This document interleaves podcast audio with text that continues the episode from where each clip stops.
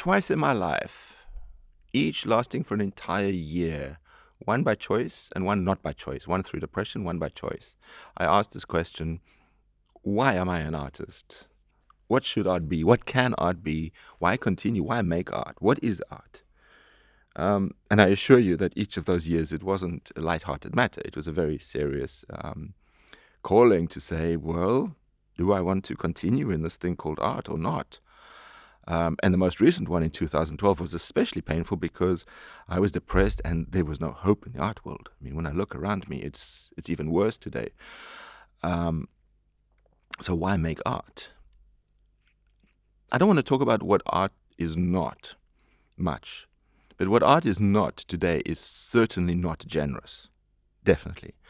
I think that one of the conditions of art today is it has become extremely selfish. It's become the domain, it's become a luxury brand, um, more or less an in house joke traded between people who can afford it. Um, and for some reason, it's a bit like when you, when you speak about the, the ugly truth. We have armies of curators um, and museum directors and galleries who seem to think that it's okay to follow in the footsteps of these small few people who have this very selfish um, notion of art. No to the contrary, I believe art needs to be generous. I think art needs to give you. I believe a great work of art, the more time you give the work, the more the work should give you in, in, in re- response. You know, a great work of art, we can talk about Leonardo da Vinci's Mona Lisa. Whether you like it or whether you don't like it, there's 500 years of discourse there. For 500 years, we have not grown bored. For 500 years, the more we've engaged with the work, the more the work gives us in exchange. Um, there are a great many other works of art that have not lasted five or ten years. Um, and there are many ways of being generous. You know, my work has been accused of being uh, of provocation. That's something you know. It's like the question of violence. Time and time again, um, I've been accused of being a provocateur or something like that.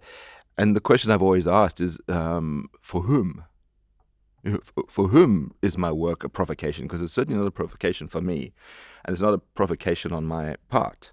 Um, things very often that, for instance, in a working class environment, might be taken as quotidian or a provocation in a non working class environment. There's certain ways of speaking, ways of being. You know, for instance, um, in Africa, it is quite common for an entire family to sleep in one bed.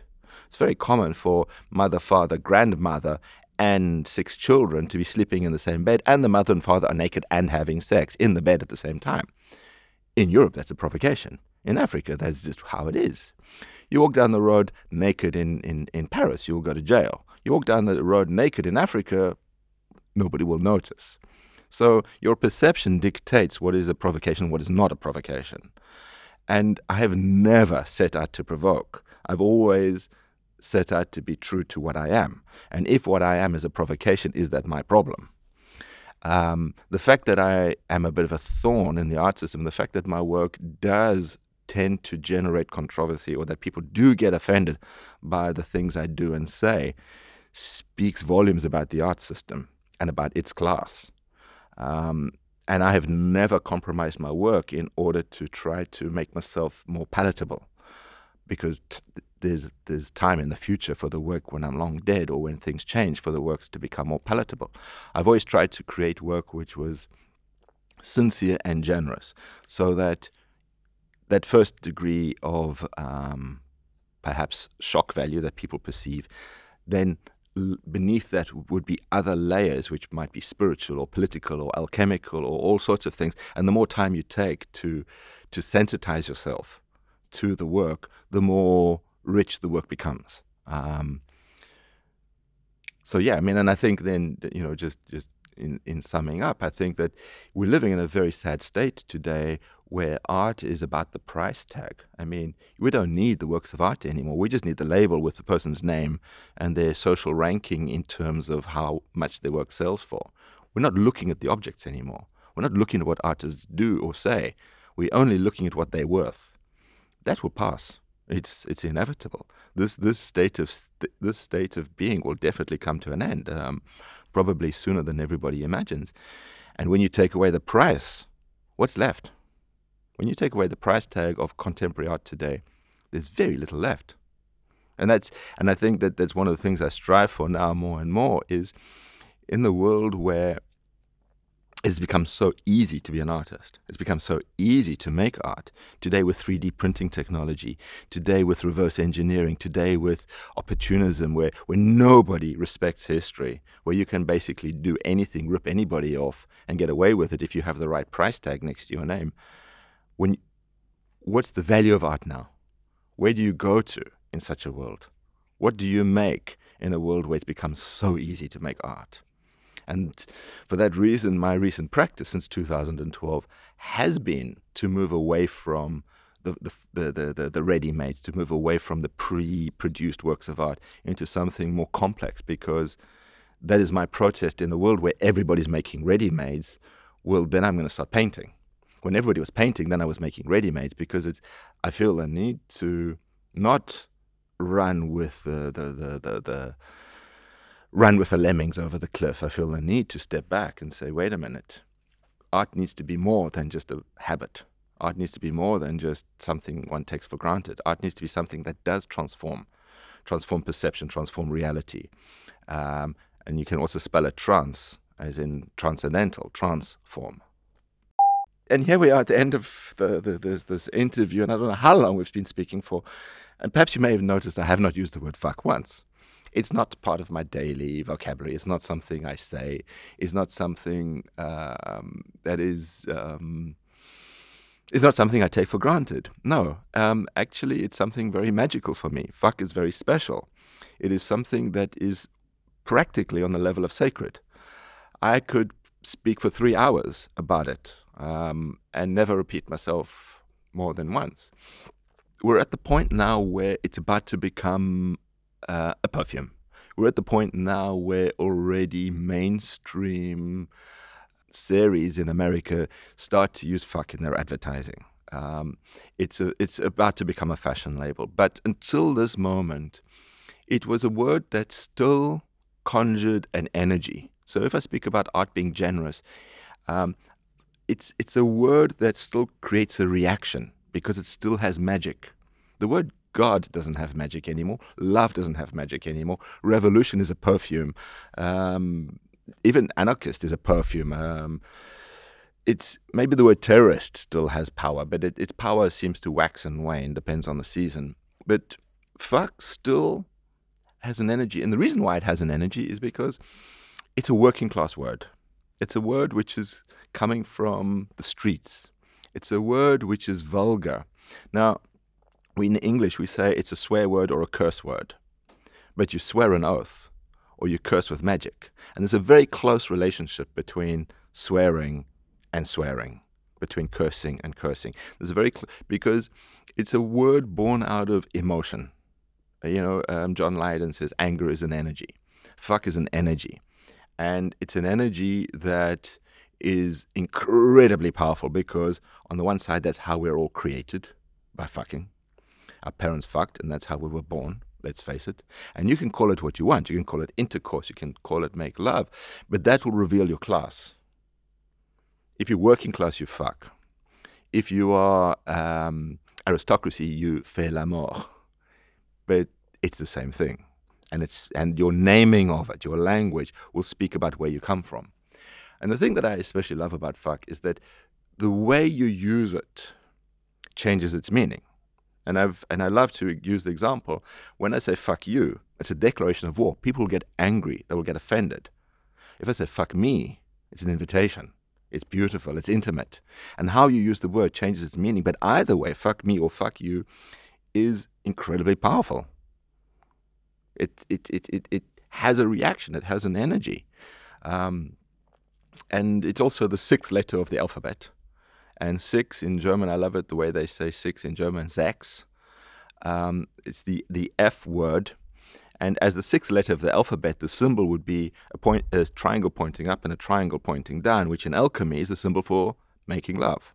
In alchemy, the two tr- intersecting triangles is the union of earth and, and, and heaven, where they are fucking in order to create the mystical child. Um, and yes, I used it in art because to create my visual mantras, to create my protests of, of, of what the art world had become. My protest in terms of we've reached a day where you can put fuck on the Basel Art Fair walls and it's meaningless. It's meaningless. But there's still that last moment when it still does, and I may have lost my career because of it. I may have lost galleries because of it. There, it's still that moment where we're just sitting at that edge where people still take offense, but not quite. It's and so I decided for a few years, and I I, I use it less and less. Um, but you know, it's like on the MACBA walls now. There's a drawing that says "fuck," and it's not controversial. It's not a scandal. It's a pity that is not, because it means the word is losing its power, it's losing its magic. But um, I did go out with a fight. I did. I did try for that last minute to try to um, recapture the magic of the word, the magic of fucking. You know, when I think when I think about South Africa, and I haven't, I've been living in Belgium for 15 years. Um, very sad about South Africa. I'm sad about the corruption. I'm sad about the violence, the rape, the murder. Um, sad about there's so many things about South Africa that makes me sad.